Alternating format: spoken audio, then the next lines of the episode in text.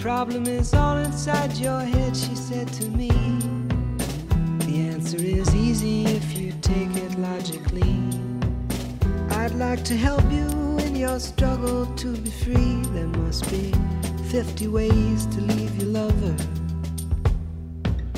She said it's really not my habit to intrude. Furthermore, I hope my meaning won't be lost or misconstrued. But I'll repeat myself. At the risk of being crude, there must be 50 ways to leave your lover. 50 ways to leave your lover. You just slip out the back, Jack. Make a new plan. בתוכנית בסימן קריאה אנחנו מארחים היום את הסופר חנוך בר-טוב על ספרו לב שפוך, אמיר שמואלי על הביצוע הטכני, אני רותי קרן. Just Slip out the back, Jack. Make a new plan, Stan. You don't need to be coy, Roy. You just listen to me. Hop on the bus, Gus. You don't need to discuss much. Just drop off the key, Lee, and get yourself free. קמתי, לבשתי מהר את הבגדים שכבר היו הכל סיד, עשיתי לי קפה או משהו לאכול, אמרתי לרוזי שתעיר גם את האימא. אבל לפני שיצאתי נכנסתי חזרה לחדר שלנו ולחשתי לה לתוך האוזן. בערב, כשאני חוזר מהעבודה, אני לא רוצה לראות אותך פה זונה. הילדים נשארים איתי ואת תלכי תתחתני עם ז'אק. אם לא יזרוק אותך כמו שהוא זורק את הקונדומים המשומשים שלו. תלכי בשקט, שאני לא אעיף אותך החוצה לפני הילדים. מאוד לא יפה אתה מדבר על האישה שאהבת. ואם מותר לי לנחש, אוהב כמשוגע עד היום. לא יפה, סמי. לא יפה. הלוא היא לא עזבה אותך, אתה זרקת אותה לרחוב. איזו ברירה נשארה לה? מה רצית שתעשה? אם לא הייתה עושה לי קרניים בגובה מגדל שלום, אף פעם בעולם לא הייתי זורק אותה. עשרים שנה אתה מעניש אותה ואת עצמך, ומה יצא לך מזה, אם אפילו את אהבתך אל חביבה לא כיבית? למה אתה אומר ככה? מה אתה יודע? גם את הרבע עוד לא שמעת.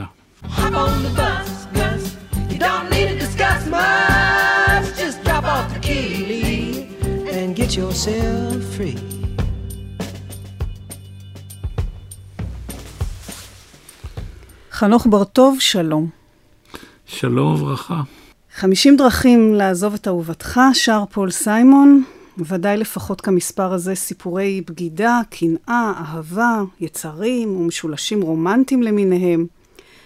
לב שפוך, הספר החדש שלך, מביא עוד סיפור כזה. ובאמצעות הסופר בספר אתה אומר, לא משולש שטרם נודע בתולדות האדם. תמצית הבנאליה. ובכל זאת, שלא כמו עוד סיפור בעמודי החדשות, הסיפור הזה מרתק, מרגש, מצחיק ומכאיב. הסיפור הזה נוגע. מה יש שם שעושה את זה? אני חושב שהדבר הראשון שאני יכול לפחות לדבר עליו, הוא זה שהדמות הזאת של סמי ששון כבשה את ליבי. ואני הגעתי אה, למידה של אה, יכולת של קשב אל הפנים שלו, אל מה שמעבר לחספוס החיצוני של האדם, שהוא בעצם מעודו לא למד ממש בבית ספר, שהתחיל לעבוד כאיזה שליח בשוק בגיל שש, ובכל זאת הוא שופע איזו חוכמה. ואם כי חייו היו חיים מאוד מאוד קשים וטעוני אכזבות. הוא ממשיך להקרין איזו חיוניות שכבשה גם אותי, הסופר, וגם את המספר שבסיפור. וקרבה אותם במידה שקשה בעצם להאמין שהיא אפשרית בין שני אנשים שהמרחק ביניהם הוא כל כך גדול. מה באמת מחבר ביניהם? איך, איך נוצר הקשר הזה? תראי, הסופר שבסיפור הוא אדם שרצה שיעזבו אותו לבד. אשתו נסעה לאמריקה לעשות עבודה בתחום התעסקותה האקדמית, והוא חשב שזאת הזדמנות טובה גם לסייד את הדירה וכשהיא תחזור תמצא את הכל חדש, וגם שהוא ימצא לו חדר אחד, שאותו יסיידו ראשון, והוא שם ישב ויגמור את הרומן הגדול שהוא עובד עליו כבר הרבה זמן. אבל לאט לאט, במאבק הזה, שבין הסיפור שבראש לבין האיש החי שמעבר לקיר, מנצח האיש החי.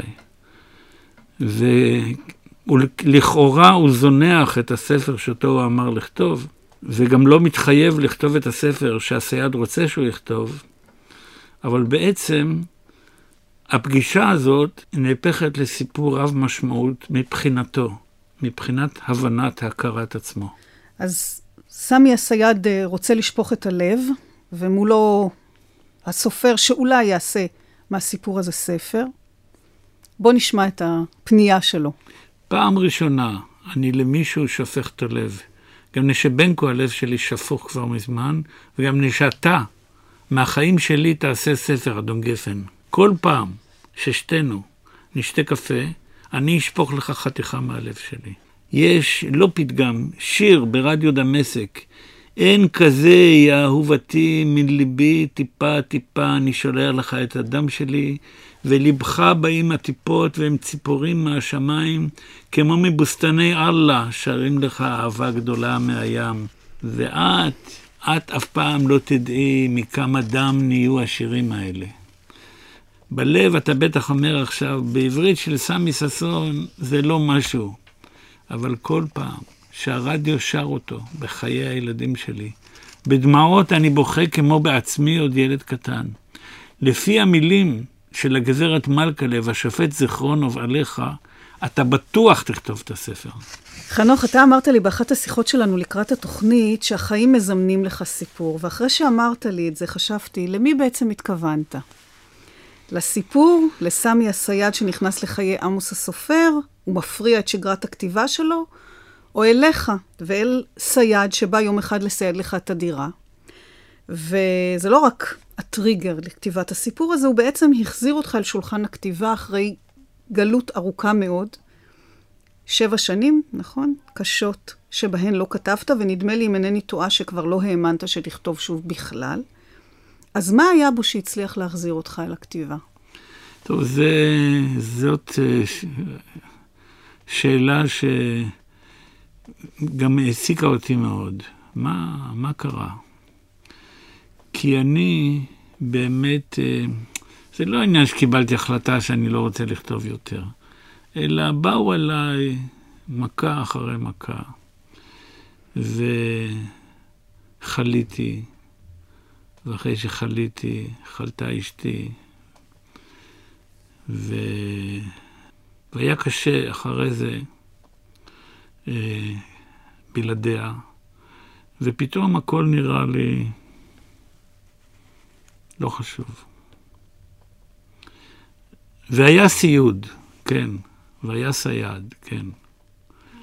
חברים טובים רצו איכשהו להחזיר אותי אל הסירקולציה. אז אמרו, צריך לסייד את הבית, וזה, ודאגו לי, הביאו לי סייד וזה. והסייד הזה, כמו אליהו הנביא, היה בו משהו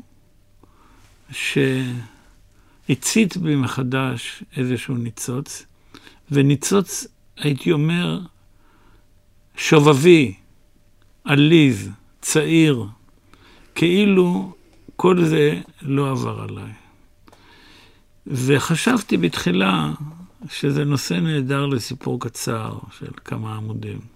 ולפני שנתיים, בקיץ, ישבתי לכתוב את הסיפור הקצר הזה, וכתבתי באמת כמה עמודים, ודי נהניתי ככה מהכניסה לסיפור, ואני גם הודעתי לחברים, אמרתי, הנה, יש לי עוד שני עמודים, עוד שלושה עמודים, אני כבר בעמוד עשרים, לא יודע מה קורה, אולי זה יהיה שלושים. והסיפור פשוט התחיל לחיות חיים משלו, וגם שחרר בי כל מיני דברים שהתקשיתי מאוד להתמודד איתם, ושלא לומר לתת להם ביטוי. וזה חלק מהסיפור, אי היכולת לדבר על דברים כואבים. אתה מדבר על, על היחסים של הסופר עם, עם כתביו, כן. עם, עם החומר שהוא עוסק בו. וזה עושה לי איזושהי אסוציאציה אה, לסיפור שלך, על החוויה החזקה והקשה שעברת במהלך כתיבת הביוגרפיה של דדו, שהובילה אחר כך בעצם לכתיבת הספר סוף הרומן. באמצע הרומן. באמצע הרומן, נכון. שהיה תוצר של החוויה הזאת. וגם הוא עניינו סופר. ואתה כותב לא מעט על סופרים. וגם שם וגם כאן סופר שמתקשה להתבטא, לכתוב. מדוע? באמצע הרומן הוא באמת סיפור על אדם שלא מסוגל לכתוב. שהתחיל כהבטחה גדולה ונשאר תקוע. זה לא המקרה של uh, הספר הזה. האמת היא שהנושא שיותר מזה מעסיק אותי בסיפור הזה וגם בסיפ... במקומות אחרים אולי, זה הספרות והחיים. אולי זה יותר מדויק. כי יש סופרים שהספרות כובשת אותם במידה כזאת שהם לא מתפנים אל החיים. בשעה שהחיים הם המבוע הראשי של הספרות. ולכן באמת קרה לי לא אחת שאיזה מפגש עם בני אדם, או חוויה, או התנסות, הם היו הטריגר. לשש שנפיים לאחד כתבתי, הטריגר הראשון היה פשוט איזה זוג מוזר שראיתי בשכונה, במושבה הגרמנית, אחרי, מיד אחרי קום המדינה, שהוא נראה לי מבוגר ב-20 וכמה שנים ממנה. הוא היה כבן 60, היא הייתה בת 40 פלוס, והייתה להם תינוקת בת שנתיים. וזה עורר בי את כל הדברים שכבר לא היו שייכים להם, שכבר אני נסעתי לבדי בדרך הזאת. אז בוא נחזור ללב השפוך. כתיבת הסיפור הזה הייתה בשבילך, אמרת לי, כניסה לטריטוריה אחרת. נכון. באיזה מובן? תראי, הלוא יש כאן סיפור כאילו מה שקוראים אתני עכשיו. שאני בוחר גיבור שהוא, לפי, הוא יליד הארץ אמנם, הוא דרך אגב הוא יליד הארץ, הוא אומר אני סורי, אני סורי, אבל הוא לא סורי, הוא יליד הארץ, הוריו הם מסוריה. אבל הסביבה שבה הוא המשיך לחיות, וגם אשתו, שהייתה בת של ידידים של ההורים, הייתה כזאת, וצריך הייתי להתמודד עם דרך של ביטוי של האיש הזה. עכשיו, אני לא סורי ולא יודע שום דבר על סוריה. לא כלום. גם לא פתגמים סוריים. נגיע לזה עוד מעט. ואני, אה, מתוך איזושהי תחושה דקה, נתתי לו לדבר. ושמחתי שהרבה אנשים קיבלו את זה כאותנטי.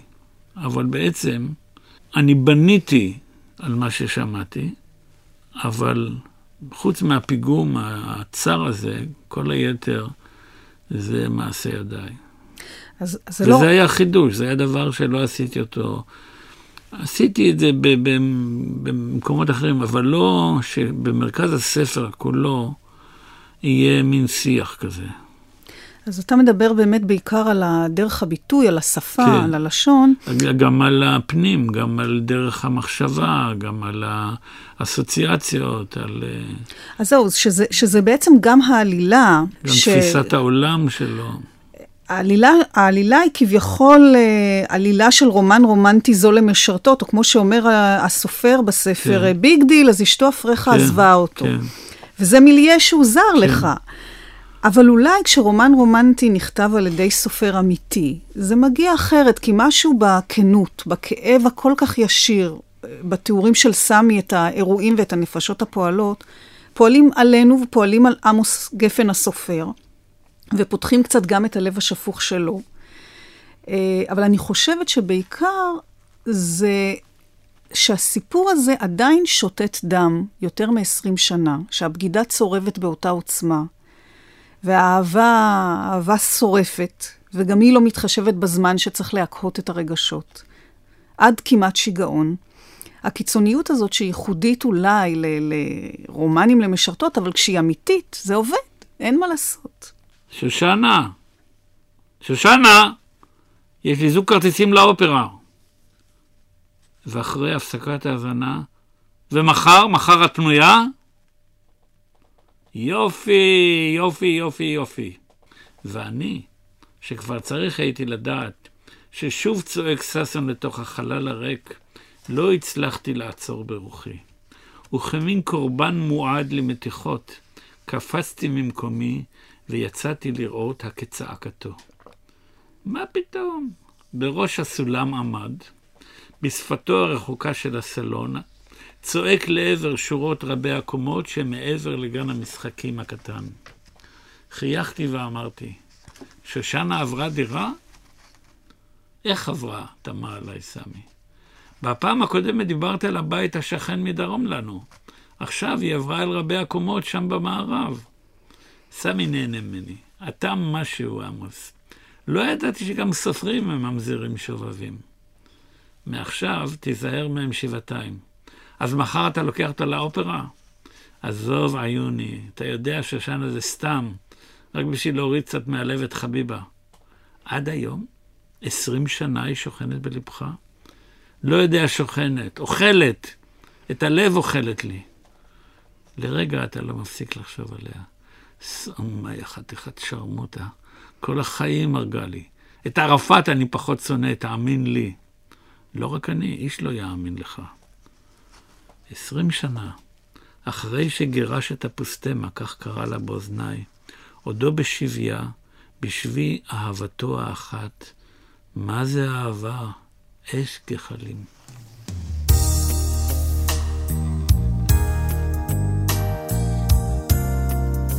Girl, you know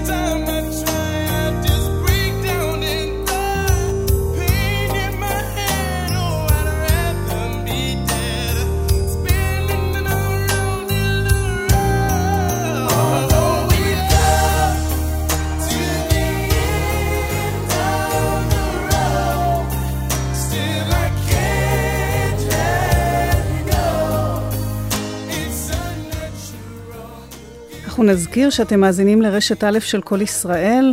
בתוכנית בסימן קריאה אנחנו מארחים היום את הסופר חנוך בר-טוב על ספרו לב שפוך.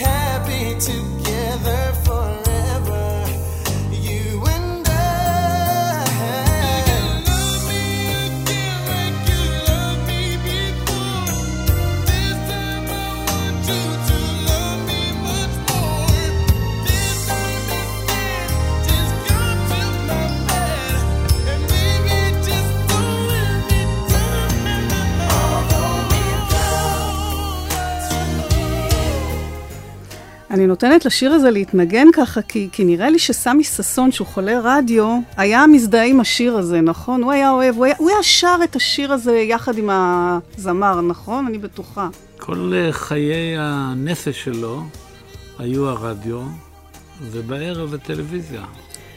ועכשיו תראה, עכשיו מגיע קטע, מה זה חזק שסמי היה פשוט משתגע. תכף זה בא.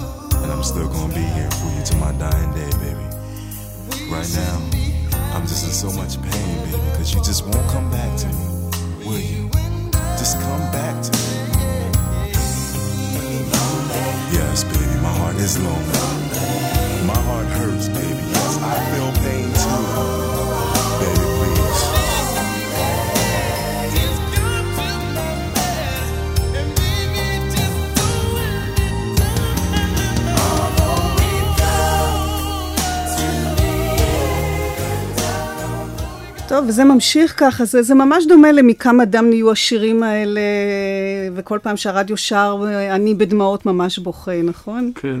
חנוך, אני לא יודעת אה, אה, איזה סיפור היה נכתב, לו היה בא נגר להרכיב לך ארון, אבל סיוד, הסיוד שימש אותך גם מטאפורית. הפגמים, הכתמים, הקירות מתכסים צבע, ובמקביל נפשו של סמי מתקלפת. הצבע... לא רק של סמי. נכון. הצבע נשפך אל הקירות והלב השותת כאב נשפך אל הסופר המאזין, שכאמור גם הוא עובר uh, תהליך uh, חשיפה והתקלפות. סמי, אנחנו למדים, uh, תוך כדי הסיפור, נפרד מאשתו לפני 20 שנה בכאב גדול. מה, מה בעצם היה שם? אני לא יודע. יש על זה כמה וריאציות. לפי וריאציה אחת, הוא תפס אותם עירומים במיטה. לפי וריאציה אחרת זה בכלל לא היה ככה. לפי מה שהילדים שלו טוענים, שזה הכל בדמיון שלו, שהוא סתם הכניס לעצמו לראש שהיא בוגדת בו, רדף אותה, גירש אותה מן הבית, וכידוע לך, הם uh, ניתקו, למרות שהוא הקדיש את כל חייו לטיפוח הילדים, וגידל שני ילדים לתפארת, מדענית מצוינת, עורך דין מעולה, הם שניהם לא מדברים איתו. הם מזדהים עם אימא. אז מה היה שם? אני לא יודע. אני יודע מה היה בנפשו. מה שהיה בנפשו זה מה שמסופר כאן. ובקטע הבא שאנחנו נשמע, הוא מנסה להוציא אה, מידע, לנסות לחשוף גם את, את חייו של הסופר.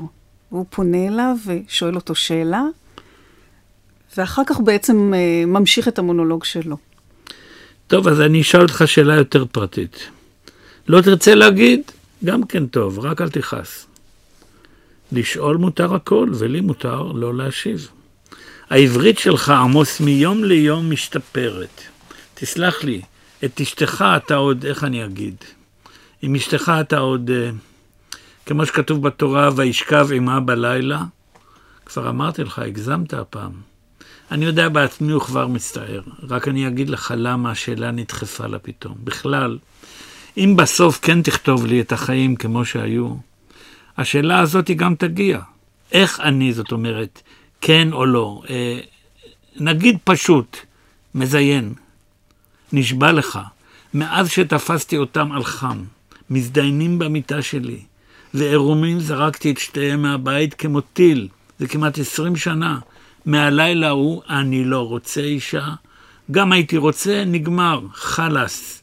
בסורית אומרים, מהמסמר נהיה חוט. אם אני מבין היטב את הפתגם, זה משהו שניתן לטיפול. אתה מבין טוב מאוד, עמוס. למה אתה סופר? לא שאלה של יכול. תביא לי את מלכת היופי העולמית, ערומה, ישר למיטה, מקבל גועל. בשום אופן, תסלח לי, לא יעמוד. לא כלי ניקיון יעזור ולא בית דין. לי אמרת, נראה צעיר, אבל בלב חשבת, נראה זקן ממני. ואתה, עמוס, שאולי גדול ממני עשרים שנה, באמת התורה נראה צעיר ממני. למה אני, בבת אחת הזקינו אותי החיים, ומאז רק עבודה, אוכל, טלוויזיה, מיטה ריקה. אני אגיד לך בדיוק בין כמה אני. בקושי שמונה עשרה שהתחתנתי עם חביבה. עם השנים בצבא, עשר שנים הייתה אשתי, וכבר כמה שנים קודם היה כל פעם נכנס לי איזה חשד ללב. לא מפני שידעתי משהו חזק, רק מאיך שהשתנתה בכלל. באצבע לא נוגעת בבית, לא מנקה, לא מבשלת, לא מכבסת, לא מגהצת, בדיוק ההפך ממה שהייתה בהתחלה. אפילו על הילדים לא מביטה, רק כל היום רצה פה ורצה שם. אתה אמרת לי שהסיפור בעצם לא על הסייד, הוא על הסופר. ובכל זאת אתה מספר בפרוטרוט את הסיפור של הסייד, ואת הסיפור של הסופר אתה מביא ברמזים. בגלל אופיין של הדמויות, בגלל שהיה לך מעניין לספר יותר את הסיפור של סמי, כי הוא עסיסי, כי הוא יצרי, כי הוא צבעוני, כי הוא טריטוריה אחרת. מידה מסוימת של אמת יש בכל השאלות שלך. אבל מבחינה מבנית, הסיפור הוא דיאלוג בין אדם שמדבר לאדם ששותק, אם אפשר לומר כך. מול הדיבורים של סמי, ישנן השתיקות של עמוס. וכל שתיקה מדברת הרבה. והם ניצבים זה מול זה כמו שתי מראות שבהן בכל אחת משתקפת השנייה. כך שמי שקורא את הסיפור בקצת יותר קשב, בקצת יותר רגישות, יכול לשמוע את הפעימה הכאובה של השתיקות. אבל אני, אני הבנתי שאתה מאוד נהנית לכתוב את הדמות של סמי ששון. מאוד. למה? כי הוא, איך אני אגיד לך? הוא אדם שעם כל הסבל שלו, ועם כל הטירוף שלו, אם זה טירוף, אנחנו לא יודעים אם זה היה או לא היה, הוא איש שמח. הוא איש צבעוני, הוא איש שמלא הפתעות בדיבור. כמו העניין הזה עם שושנה שושנה, כמו הפתגמים הסוריים. והיה לי כיף עצום לצייר את דמותו, לעצב אותה, לראות אותה אה, לובשת חיים. אם כי, אני צריך להוסיף משפט אחד. הסיפור הוא לא סיפור עליז. בכלל לא. הוא לא סיפור שמח. אבל דווקא ה... ה... הניגוד הזה, ההיפוך הזה, שבין צער עמוק מיני ים לבין יכולת של ניסוחים שובבים, עליזים, מצחיקים, אה, שווה את ליבי. אז הזכרת את הפתגמים הסורים, ויש כאן אוסף רציני מאוד של פתגמים סורים, ואנחנו נגלה, או לא, לפני זה. אתה נתת את הספר לידידה שלך, שמתמחה בארצות ערב, בפלסטינים. מומחית, מומח... ל... כן, מומחית לפלסטין. נתת כן. לה לקרוא את הספר. מה, מה הייתה דעתה על הפתגמים האלה? אני שאלתי אותה, אמרתי לה, תגידי לי, הפתגמים האלה נשמעים לך פתגמים סורים? מה תראה, אני, על סוריה אני לא יודעת. אני יודעת על פלסטין. אבל לא עלה על דעתה לרגע לומר לי, חנוך, אלה לא פתגמים ערביים. זה מישהו המציא אותם. וזה היה בשבילי מחמאה גדולה. כי אתה בעצם המצאת את כן, כולם. כולם. שמעתי שיש לך כוונה להוציא אוסף פתגמים מבחר, סורים. מבחר, מבחר מקיף של הפתגמים הסורים. וזה בעצם אמצעי סגנוני משגע, ש, ששימש אותך למה בעצם? הוא שימש אותי כמו שכתמי צבע אדום משמשים צייר, להדגשים, להבלטות. מה שאי אפשר לומר לפעמים בעמוד שלם, או בכמה עמודים, אפשר לומר בארבע מילים בפתגם קולע. זאת אומרת, זה אפשר לך גם להביע דעה בצורה מאוד ציורית, ועם זאת מאוד מאוד חדה. אני למשל, הפתגם שאני המצאתי, אני, זה מצחיק לדבר על זה, אבל אני אוהב אותו. שהוא אומר לו, בסוריה אומרים, שכל בלי מזל זה כמו סוסה בלי רגליים. וזה נשמע לי מאוד אפשרי לחברה שבה הסוסה והזה. וה... כן, וזה נורא נחמד שבסיפור, עמוס הסופר מנסה את כוחו גם כן בהמצאה של פתגם כן, או שניים. כן, הוא נגרר, הוא נגרר אחריו. כלומר, יש כאן איזשהו משחק שאתה משחק עם עצמך כן. בעצם, מין איזו כן. בדיחה פרטית כזו בינך לבינך, והסופר גם שואל את סמי, תגיד, זה פתגמים סורים באמת, או שברגע הנכון אתה ממציא אותם מהראש? אני מתחיל לחשוד שאתה מין סופר מסתתר. נכון. עכשיו, יש המון פתגמים. אני, למשל, נורא אהבתי את אה, אם במדבר תצעק מים, מים, הגרון שלך רק יתייבש יותר. או בסוריה אומרים, בן אדם שמתחרט היום על מה שיעשה מחר, תברח ממנו אתמול אפילו למדבר. נכון. ומאוד אוהבת את הקטע הזה, את הדיאלוג הזה. אומר סמי, יש פתגם סורי, הבן אדם בורח ממלאך המוות הכי רחוק שיש, מגיע לבוכרה, לסמרה, ובפתח המסגד הגדול, מי מחכה לו בחיוך גדול? מי? אתה יודע, סמי, אומר, עונה לו עמוס גפן, סופר אמריקני קרא לספר שלו על שם הפתגם הזה פגישה בסמרה. היה סורי הסופר הזה? לא, אמריקני. יש הרבה אמריקנים סורי. אבל זה אנשים צריכים לדעת שזה ג'ון אוהרה, שהוא בכלל אה, אה, אירי או משהו. תגיד, חנוך, איזה פתגם הכי אהוב עליך? הפתגם הזה, שפתגם קצת גס, אבל הוא אהוב עליי מאוד. שהזנבות של הסוסים שונים זה מזה, אבל החרא שלהם הוא אותו חרא. וזה, הפתגם הזה, אגב, מחבר אותי לסיפור של הסופר. עכשיו אנחנו נכנסים לרגע עצוב. זה מחבר אותי לסיפור של הסופר עמוס גפן, שנחשף רק בזכות הסיפור של הסייד, שמרעיד בתוכו לא מיתר אחד, אלא תיבת תהודה שלמה. כן. ומתגלה שהסיפור שלו, של הסופר, דומה מאוד לסיפור של סמי. סיפורו של סמי מרתך את שנינו לאחד, אומר עמוס. אז הזנבות שונים, סופר, סייד, אבל כשמגיעים לענייני לבבות שפוכים, החרא הוא אותו חרא, או אדם הוא אותו אדם.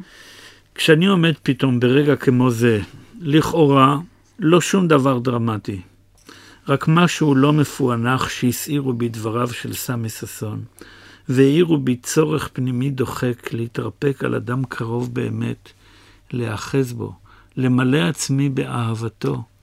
מכריעה אותי איזו הכרה קרחונית, שאין לי בעולם כולו נפש אחת כזאת.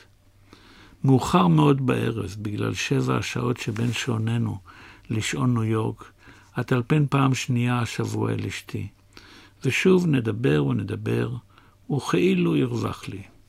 אבל גם בינה לביני, למרות כל המעלות הטובות של חיינו המשותפים, שעליהם משבחים אותנו כל רואינו, כמאמרו של מנחם בגין על תוכנית האוטונומיה, מוגבהת כל השנים, איזו מחיצה בלתי נראית, אך לא ניתנת להבקעה. גם אחרי שקלפנו זה מעל זה, קליפה אחר קליפה, חוצצת בינינו עוד אחת אחרונה, סמויה אבל קשיחה כדופן של כספת. ברגעים של אינטימיות כאילו מוחלטת, דווקא בהם, לחשתי זאת לא אחת באוזניה, ובמענה רק צחקה ואמרה, הבלים, זה הסופר שבך, עמוס, מחפש סודות. הכל גלוי וחשוף לפניך, אמן לי. אני פחות מעניינת מכפי שאתה מתעקש לחשוף בי. אין כלום, לא כלום. הבל הבלים. ובכל פעם שחזרו חילופי דברים כאלה, והרבה חזרו, הייתי אני מגיב כמין, כמין מנטרה ב- לא הכל הבלים ביתי, לא הכל הבלים והבל.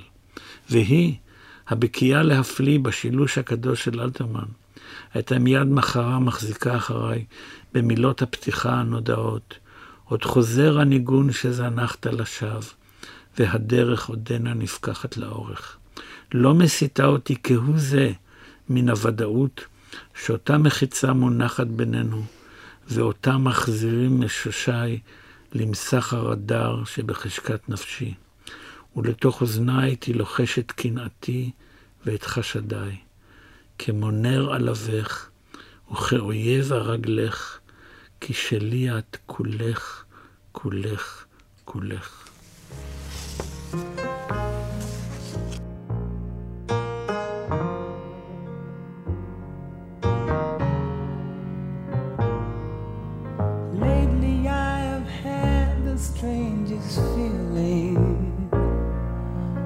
With no vivid reason here to find. Yet the thought of losing you's been hanging round my mind.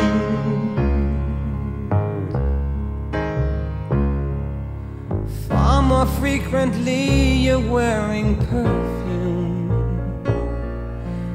With you, say, no special place to go.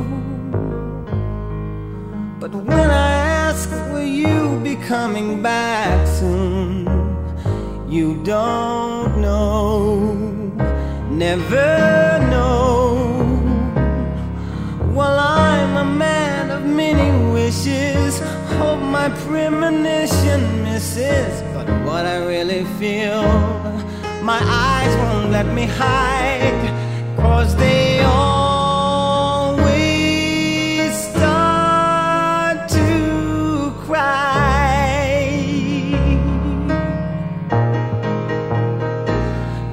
this time.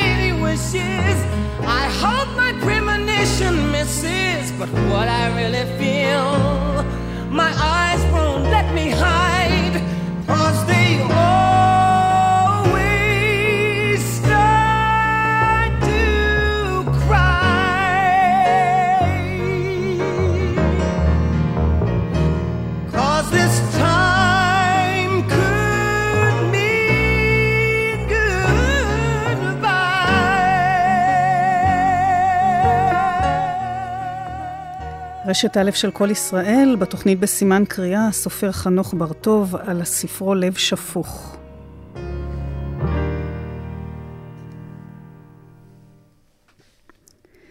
אז הסופר עוטף את uh, קנאתו בשורות של אלתרמן ושותק, וסמי ששון מדמם את קנאתו החוצה. ולמרות שהדיאלוג האלתרמני בין הסופר לאשתו יש בו משהו חזק מאוד, זה מצטרף לתמונה מאוד מסוימת שאתה מציג את הסופר הזה ואת הסופרים בכלל. יש הרבה ציניות, יש ביקורת עצמית, ויש ביקורת uh, בכלל על המרחק של הסופרים מן החיים האמיתיים. דיברת קודם על המרחק בין הספרות לחיים. אז בוא נשמע את הקטע הזה על העמוסים. אני לא אדון, מיהרתי להרחיק מחיצה גבוהה. קרא לי עמוס. מה זה, כל הסופרים שמם עמוס? מי זה כל הסופרים? כל היום ברדיו וכל הזמן בטלוויזיה אני שומע עמוס עוז, עמוס קנן, עמוס יהושע, ודווקא את השם שלך לא שמעתי ולא ראיתי. שמו הפרטי של יהושע אברהם, והוא חותם א' ב'. ושמי, אתה יודע, וגם כתוב בכניסה לבניין ולדירה. היו ימים בארץ שכל אב ואם ציפו שילדם יהיה לעמוס הנביא, ולילדתם קראו תחייה, תקווה או דבורה, הנביאה. תסלח לי, אדון גפן, זה היה סתם. בטח שאני יודע, אבל גם השם גפן, לא אתה זה שכל הזמן ברדיו, בטלוויזיה, צייר לו פיקאסו על הפנים וצועק אנחנו דור מזוין? הוא מהמשפחה שלך? עזוב סמי, תגיד לי סוף סוף, מדוע דחה השרה את ידו של ברק? תגיד עמוס, למה אתה אף פעם לא ברדיו? ובהמשך אתה מתאר את הסופרים כציפורי טרף רשאיות, אבל בעיקר, כאמור, בנית את הדמות של הסופר ככזה שלא מצליח לכתוב שום דבר, או כמו הפתגם, נחזור לפתגמים, לסמי יש פתגם. סופר יותר גרוע מתרנגולת. שנים צריך לשבת על התחת עד שיוצא משהו. אבל למרות המרחק המנטלי, האינטלקטואלי, נוצר קשר מאוד חזק בין סמי לעמוס, אבל לפני שנפתח את הקשר הזה, בואו נכניס דמות שלישית שמופיעה בספר, ושייכת אולי למיליה של העמוסים, וגם איתה יוצר סמי קשר מאוד חזק, מאוד ישיר ומשמעותי ביותר, והכוונה למי שמכונה בספר הפסיכולטור. מי זה הפסיכולטור? הפסיכולטור הוא פסיכולוג שמגיע בשעות קבועות אל המלון שבו שימש סמי לפני שהוא היה לסייד, לפני שהוא עבר את המהפכה הגדולה בחייו, כבעצם מלצר בכיר בלובי של המלון, לבוש תמיד בחליפה שחורה וחולצה לבנה בוהקת. והפסיכולוג הזה, היה לו שולחן קבוע עם הפנים אל הים, תמיד עם הפנים אל הים. היחיד מכל המלון. יש שם קיר גדול שפונה אל הים, וכולם יושבים עם הגב אל הים.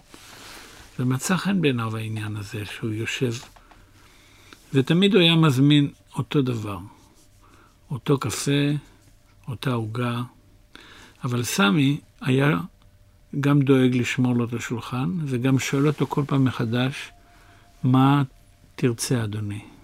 ויום אחד הפסיכולוג מביט עליו, הוא אומר לו, תשב על ידי, תתיישב על ידי לשעה קלה. אני מתיישב לרגע על קצה הכיסא, ואז הוא שואל אותי ישר, כמעט נפלתי מת במקום, הנעליים שלך לא צרות מדי? הוא לא עשה שום אבנטות, הדוקטור. גם לא נכנס לי עם נעליים מלוכלכות לאולקוס שאוכל לי את הלב. דיבר בכלל על האנשים, כמו קודם על הים, אמר, האנשים, זה בשבילך, עמוס, כמו ספרים הם. בא אצלך בן אדם, הוא אמר, ואם אתה אוהב לקרוא אנשים, הוא כמו בכל עבודה, אספת הרבה ניסיון, אתה מביט בו טוב, לא רגע, הוא אמר, הרבה. אז אתה תמיד רואה אותו נכון. מה מבחוץ, אתה רואה את המבפנים. זה לא המילים שלי, זה המילים שלו. ואתה, סמי, גם אתה לא יודע על הסגולה הזאת. מהטבע שלך, אתה פסיכולטור. הוא ודאי אמר, הדוקטור, שאתה מטבעך פסיכולוג, והוא בהכשרתו פסיכיאטר. איך אתה יודע מה אמר? רק מהמילים שאני מביא ממנו. אני זוכר כל מילה שדיבר איתי, מפני שהוא ששינה לי את כל החיים. אתה, סמי, כך בדיוק אמר. מהטבע שלך, אתה פסיכולטור. אז הפגישה הזו משנה לסמי את החיים. מהפך ממש. ממלצר במלון הוא הופך לסייד, ומאוחר יותר הוא מגרש את אשתו האהובה. ומשלם מחיר כבד כל חייו. וכאן אולי באמת המקום לבדוק את שתי הבחירות שנעשו כאן לאותם הנתונים. הרי גם סמי וגם עמוס גפן עברו בעצם חוויה דומה של בגידה. כנראה. וכל אחד בחר לעשות עם זה משהו אחר. מה, מה הדרך הנכונה? מה, מה המסקנה? תראי, הסיפור אה, לא מוליך למסקנה. הסיפור מציג את, ה, את שתי הדרכים, כפי שנאמר בעצם בסיפור. ישנה הדרך של הסייד, שניפץ הכל, הרס הכל, וישנה הדרך של הסופר, שבלע הכל, חי עם זה, וחי חיים בסך הכל טובים. חיים שהיה בהם הרבה, אפשר לומר, אהבה. אבל הצל הכבד הזה אה, לא הוסר. וכיוון שהסיפור בסופו של דבר הוא סיפורו של הסופר, שמספר על הסייד, שמתכוון אל הסופר, אז uh, השאלה הזאת היא השאלה ששואל הסופר את עצמו. לאן הוא נוטה? הוא מרגיש uh, בדידות לא פחות גדולה מזו של הסייד, גם כלפי ילדיו. שזה אגב נקודה משיקה נוספת כן, ביניהם. כן, שלא ש... לא הזכרנו את זה, נכון, אבל למעשה... נכון, לא פיתחנו את זה, אבל זה, כן, זה ממש... אי, כן, אי אפשר הכל. גם כלפי ילדיו. ואפילו עכשיו, כשהוא לבד בדירה והוא היה רוצה אולי לבקר אצל הילדים שלו, אז לכל אחד יש סיפור למה הוא לא יכול לבוא אליהם. שניהם בעצם באיזשהו חוסר קשר עם הילדים שלהם, גם הסייד כן, וגם הסופר. ובכלל, בבדידות גדולה. הסופר מחובר אל מה שהוא כותב, והסייד מחובר אל מה שהוא מאזין לו. והמעניין הוא ששתי הבחירות משאירות את הפגועים לא עם לב שפוך רק, אלא עם לב אכול. גם זה שצועק וגם זה ששותק משלמים את המחיר, כל אחד בדרך שהוא בחר. אז בעצם הסיפור הוא לא על סייד ולא על סופר, זה סיפור על אהבה, או, או יותר נכון על קנאה, על כאב הבגידה. זה על uh, בדידות. והכאב הזה והבדידות הזו בסופו של דבר מחברת את שני האנשים האלו עד כדי הזדהות מוחלטת, כמו שאומר uh, עמוס גפן. כן. הוא אומר את הדברים, עד כדי התאהבות רומנטית בסייד. אה, כמו ו... שלקראת פרידה. כן, אז הדירה מסוידת והנפשות חשופות. והם יודעים שהם יותר לא ייפגשו בעצם. הם היו שבועיים יחד. הייתה להם חוויה משותפת גדולה. אם עמוס יכתוב את הספר או לא יכתוב את הספר. בעצם, לסייד זה כבר לא משנה, כי הוא סיפר את הספר. והוא לא גם אומר את זה, הוא אומר, הוא אומר לו, אתה הרי לא קורא ספרים. הוא אומר, אני לא צריך לקרוא, אני, אני יודע את הספר. אני רוצה שאחרים יקראו. ואז, ככה לקראת פרידה, ישבנו ושתקנו. גם בקיץ, בקווי הרוחב שלנו, נגמרים הדמדומים רגע אחרי שהם מתחילים. החשמל שהדלקתי להרבות קצת את השמחה, הרחיק עכשיו את החושך אל מחוץ לחלונות. והסיד הבוהק והצבע האקרילי הצובתני הצטרפו לנחמה אחת, שקירות ודלתות מחודשים ממלאים גם את הנפש תחושת התחדשות. האם אחרי 25 שנים של סיוד, עדיין זה שכרו של סמי ששון מכל עמלו? ישבנו ושתקנו. מזגתי לשנינו עוד קפה, וכיוון שגיליתי להפתעתי שסמי כרסם את עוגיות הצ'וקולד צ'יפס, מיהרתי להוציא מתוך המזווה את חפיסת הקינגסטון האמריקנית, ודומם כרסמנו שנינו עוגית אחר עוגית. אילו קבע האור, היינו נשמעים ודאי כצמד עכברים הוללים. הוא לא דיבר על הספר שאני מצווה כביכול לכתוב עליו. לא רמז על פגישות נוספות בינינו למטרה זו, וגם אני שתקתי. הוא הגביה את כפות ידיו, זרועות הסיד והצבע, ודאי מן הדירה הנוספת שכבר עמד בצביעתה, כאומר, הנה, על שום כך איני לוחצת שלך לשלום אחרון. בהתרגשות לפתתי את זרועותיו ומשכתיו אליי. בנחיריי היכה ריח צובתני רחוק משחר ילדתי, כשהיה אבי טייח וסייד לסירוגין. ואז הלך. אני מאוד רוצה להודות לך, חנוך בר-טוב, על הספר הנפלא, ועל השיחה הזאת. ואגב, שמעתי שבעקבות הספר החליטו אחדים מחבריך לסייד את דירתם. ואני תוהה אם מה שהם צריכים זה רמונט, או שהם מחפשים דרך לשפוך את הלב. אני, הם ביקשו ממני את מספר הטלפון של הסייד. הזה. אז תודה גם לרפי אפלויג על הביצוע הטכני, אני רותי קרן. הכל הוגן באהבה, אומר השיר, ורק הסופר יכול אולי לכתוב את הדברים מחדש. תודה רבה לך.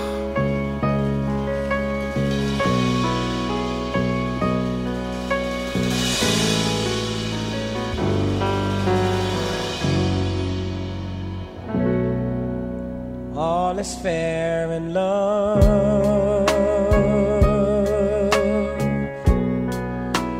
Love's a crazy game.